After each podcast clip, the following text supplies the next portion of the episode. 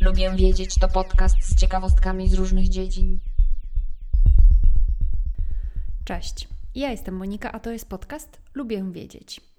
Dzisiaj opowiem Wam o kilku odkryciach naukowych z ostatnich kilku dni, czy też tygodni, ponieważ może Wam się wydawać, że w tym czasie w nauce nie dzieje się nic ciekawego, ale to jest mylne wrażenie, bo naukowcy nadal pracują i nadal odkrywają różne fascynujące rzeczy.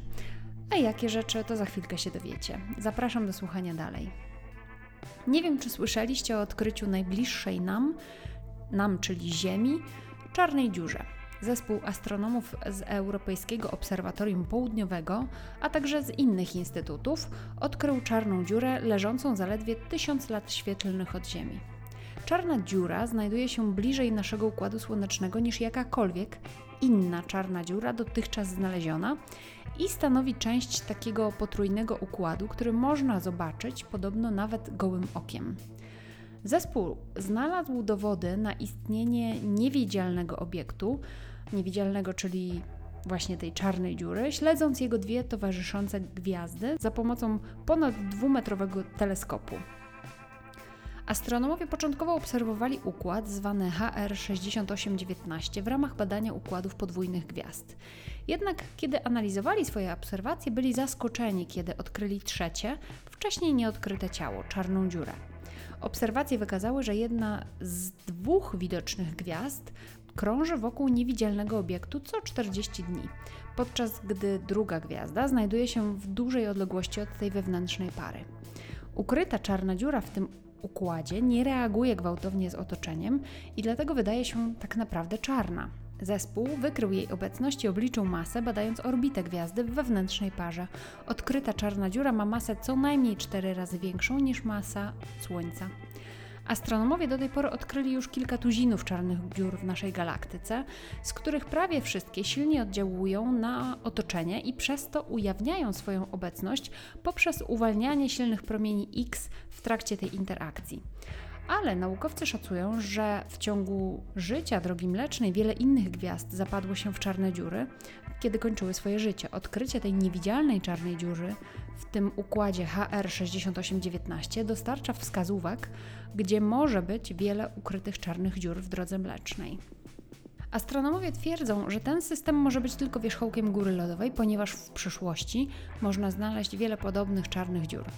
Układ ten znajduje się w gwiazdozbiorze Teleskopium i jest tak blisko Ziemi, że jego gwiazdy można oglądać z południowej półkuli w ciemną, czystą noc, bez lornetki nawet czy też teleskopu.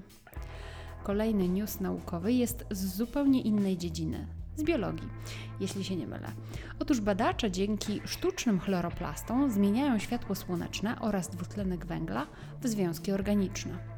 Chloroplasty, jeśli jeszcze pamiętacie ze szkoły, to takie fragmenty komórek, które mają rośliny i glony. Zawierają one zielone barwniki, tak zwane chlorofile, które pochłaniają energię światła słonecznego potrzebną do fotosyntezy.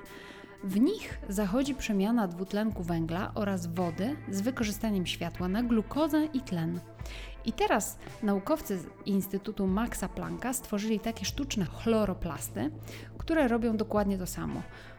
Może to podobno ulepszyć próby przemiany CO2 w materię roślinną, a także bezpośrednio w użyteczne chemikalia. No i na koniec ostatnia wiadomość, która pojawia się teraz na portalach naukowych na pierwszych stronach. Otóż okazuje się, że zabójcze temperatury, które miały się pojawić w późniejszych latach tego wieku, są już naszą rzeczywistością. Dane z globalnych stacji pogodowych pokazują, że niebezpiecznie upalne i wilgotne dni stają się coraz bardziej powszechne. To jest niestety groźne dla ludzi, bo może się okazać nie do wytrzymania i być powodem wielu migracji w chłodniejsze i mniej wilgotne tereny. Dlaczego to może się okazać niemożliwe do przeżycia dla ludzi? Ano dlatego, że przestanie działać nasz mechanizm pocenia się. Teraz, kiedy rośnie temperatura, pot wydziela się z naszych porów i odparowuje, uwalniając energię, która chłodzi naszą skórę i chroni nasze ciała przed przegrzaniem się. Ten mechanizm chłodzenia pozwalał ludziom rozprzestrzeniać się, mieszkać prawie w każdym gorącym i wilgotnym zakątku globu. Ale po cenie się ma teoretyczną górną granicę. Kiedy robi się za gorąco i za wilgotno, prawa fizyki powstrzymują pot od ochładzania skóry.